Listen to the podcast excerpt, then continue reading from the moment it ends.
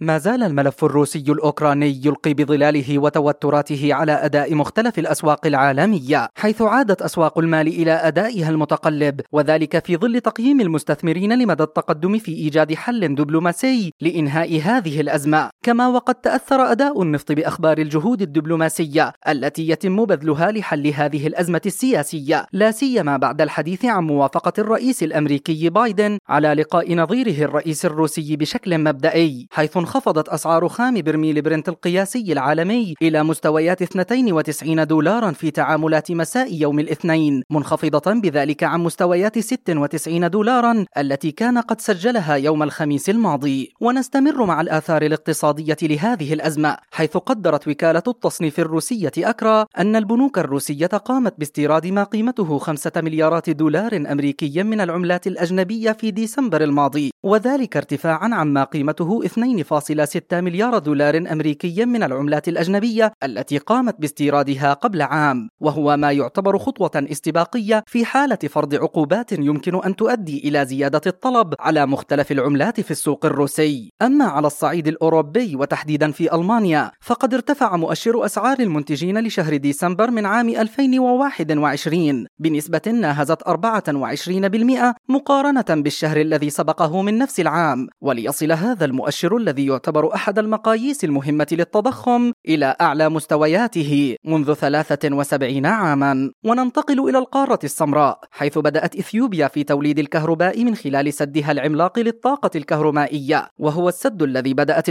العمل عليه قبل عقد من الزمان بتكلفة خمسة مليارات دولار أمريكي. لتشير التقديرات الرسمية بأن العام 2024 سيكون موعدا للانتهاء من العمل على هذا السد الذي تعتبره الحكومة مفتاحا لتنميتها الاقتصادية. وعلى صعيد العملات الرقمية وتحديدا البيتكوين فقد قال جون دو المؤسس المشارك لبورصة هوبي وهي أحد أكبر بورصات العملات المشفرة في العالم بأن عملة البيتكوين قد لا ترى سوقا صاعدا حتى أواخر عام 2024 وذلك حتى القيام بإجراء عملية ال halving في ذلك العام وهي العملية المسؤولة عن تقليص حجم الإصدارات الجديدة من البيتكوين التي تؤدي غالبا إلى ارتفاع الأسعار في العام الذي يلي إجراؤها. وهذه كانت أهم الأخبار الاقتصادية. وانتظرونا مع أخبار أجيال الاقتصادية في 48 ساعة القادمة.